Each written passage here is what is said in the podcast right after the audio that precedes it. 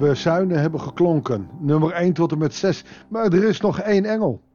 De zevende. Want zeven engelen staan voor de Heilige Geest. De volheid van de Geest. De volheid van God. En die zevende engel gaat gaan blazen op de bezuin. We gaan hem horen. Wat zal het betekenen? Want na zeven is het toch vol? Goeiedag. Hartelijk welkom bij een nieuwe uitzending van het Bijbelsdagboek. We lezen Openbaringen 11, vers 15 tot en met 19.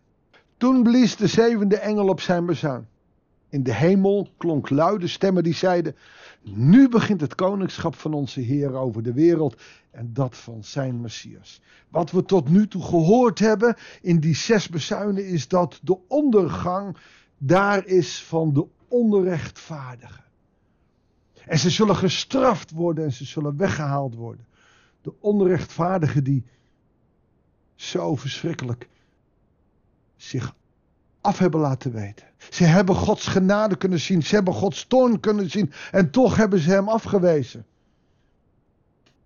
En nu, met de zevende bezuin, wordt het tijd dat God zijn koningschap weer op zich gaat nemen. De Messias. Hij zal heersen tot in eeuwigheid. En de 24 oudsten op hun tronen bij God wierpen zich neer en aanbaden God met de woorden. We danken u, Heer onze God Almachtige, die is en die was. Want in uw grote macht neemt u nu het koningschap op u. 24 oudste, 12 Oude Testament, 12 Nieuwe Testament. Oude verbond, Nieuwe verbond. Ze knielen voor God. Of je nou uit het Joodse volk komt of als christen daar zit. Heer, onze God, Almachtige God, die is en die was. Want in uw grote macht neemt u nu het koningschap op. De volken raasden in woede, maar nu laat u uw woede razen. De tijd is gekomen om een oordeel te vellen over de doden en om uw dienaren, de profeten, te belonen.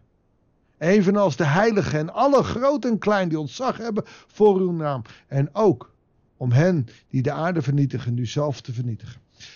Tweeledig. Eén deel. Degene die martelaars zijn, of degene, de heiligen, die overleden zijn in geloof. Ze zullen worden verheerlijkt. God neemt zijn koningschap en ze zullen bij elkaar komen. Straks lezen we dat dat zal zijn in een nieuwe hemel en een nieuwe aarde. Maar ook zal het oordeel komen over levenden en over doden, over rechtvaardigen en onrechtvaardigen. De dag van het oordeel zal daar zijn. En als die dag aanwezig is, dan kan nietsje meer, nietsje meer redden. En we zien dus dat er nog steeds mogelijkheden waren, maar dat de onrechtvaardigen telkens weer die onrechtvaardigheid vasthielden. Deden wat slecht was in de ogen van de Heer. Nu komt er een moment, en die moment, dat moment gaat er komen dat de zevende bezuin zal klinken. Het zevende bezuin. Het zal niet mals zijn. Als God dan met zijn oordeel komt. Zalig zij die zijn woord hebben aangenomen. Zalig zij die ontzag hebben voor de naam van God. Toen ging Gods tempel in de hemel open en verscheen daar de ark van het verbond. In het nieuwe verbond, want het zit in het Nieuwe Testament, Komt daar de ark van het verbond. Hoezo? We doen niet meer aan de wet. De ark van het verbond. Ik heb met jullie, met Abraham ben ik begonnen. En nu zal ik het ark van het verbond naar voren brengen. En wat er dan gebeurt als die tempel open gaat, als God daar met de ark van het verbond verschijnt, dan volgen bliksemschichten. Groot geraas, donderslagen en aardbeving en zware hagel. Als God voorbij komt, dan is er donder en bliksem. En deze laatste zit zowel het oordeel van de gelovigen als het oordeel van de niet-gelovigen. Als Jezus terugkomt, dan zal dat overwhelming zijn, overweldigend voor gelovigen. Maar nog meer overweldigend voor niet-gelovigen. En dat, dat is zowel jammer als dat het goed is. Gods overweldigend, overweldigende aanwezigheid is iets namelijk wat wij niet aankunnen.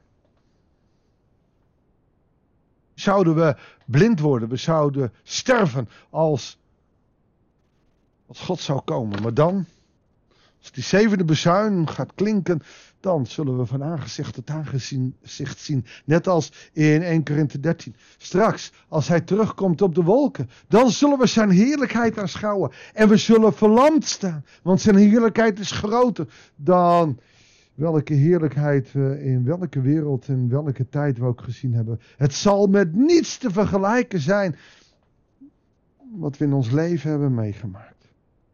En dan, dan mag je je gelukkig prijzen. Als je kind bent van de Allerhoogste, als je teken draagt van zijn verbond, als je het bloed van Christus hebt gedronken bij het avondmaal, als je hem aanvaard hebt als jouw Heer. En eigenlijk wordt dat gezegd als je ontzag hebt voor God. Ontzag is niet alleen maar angst. Ontzag is, wauw, God is zo groot. Zullen we samen bidden, Heere God?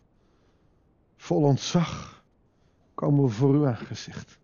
En we zien wat er gaat gebeuren als u terugkomt op de wolken. Als die zevende bezuin zal klinken. Het zal niet mals zijn. En wij zullen als christenen ook versteld staan.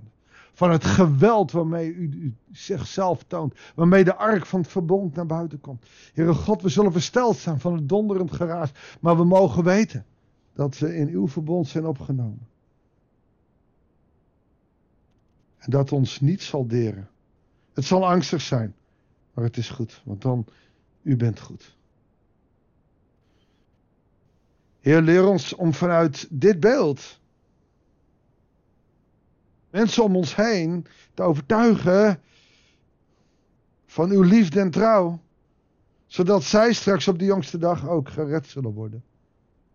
Heer, dat het niet zomaar een geschiedenis die we lezen voor wat komen gaat, het zal morgen gebeuren dat wij onze naasten vertellen van u. Help ons daarbij, zegen ons daarbij.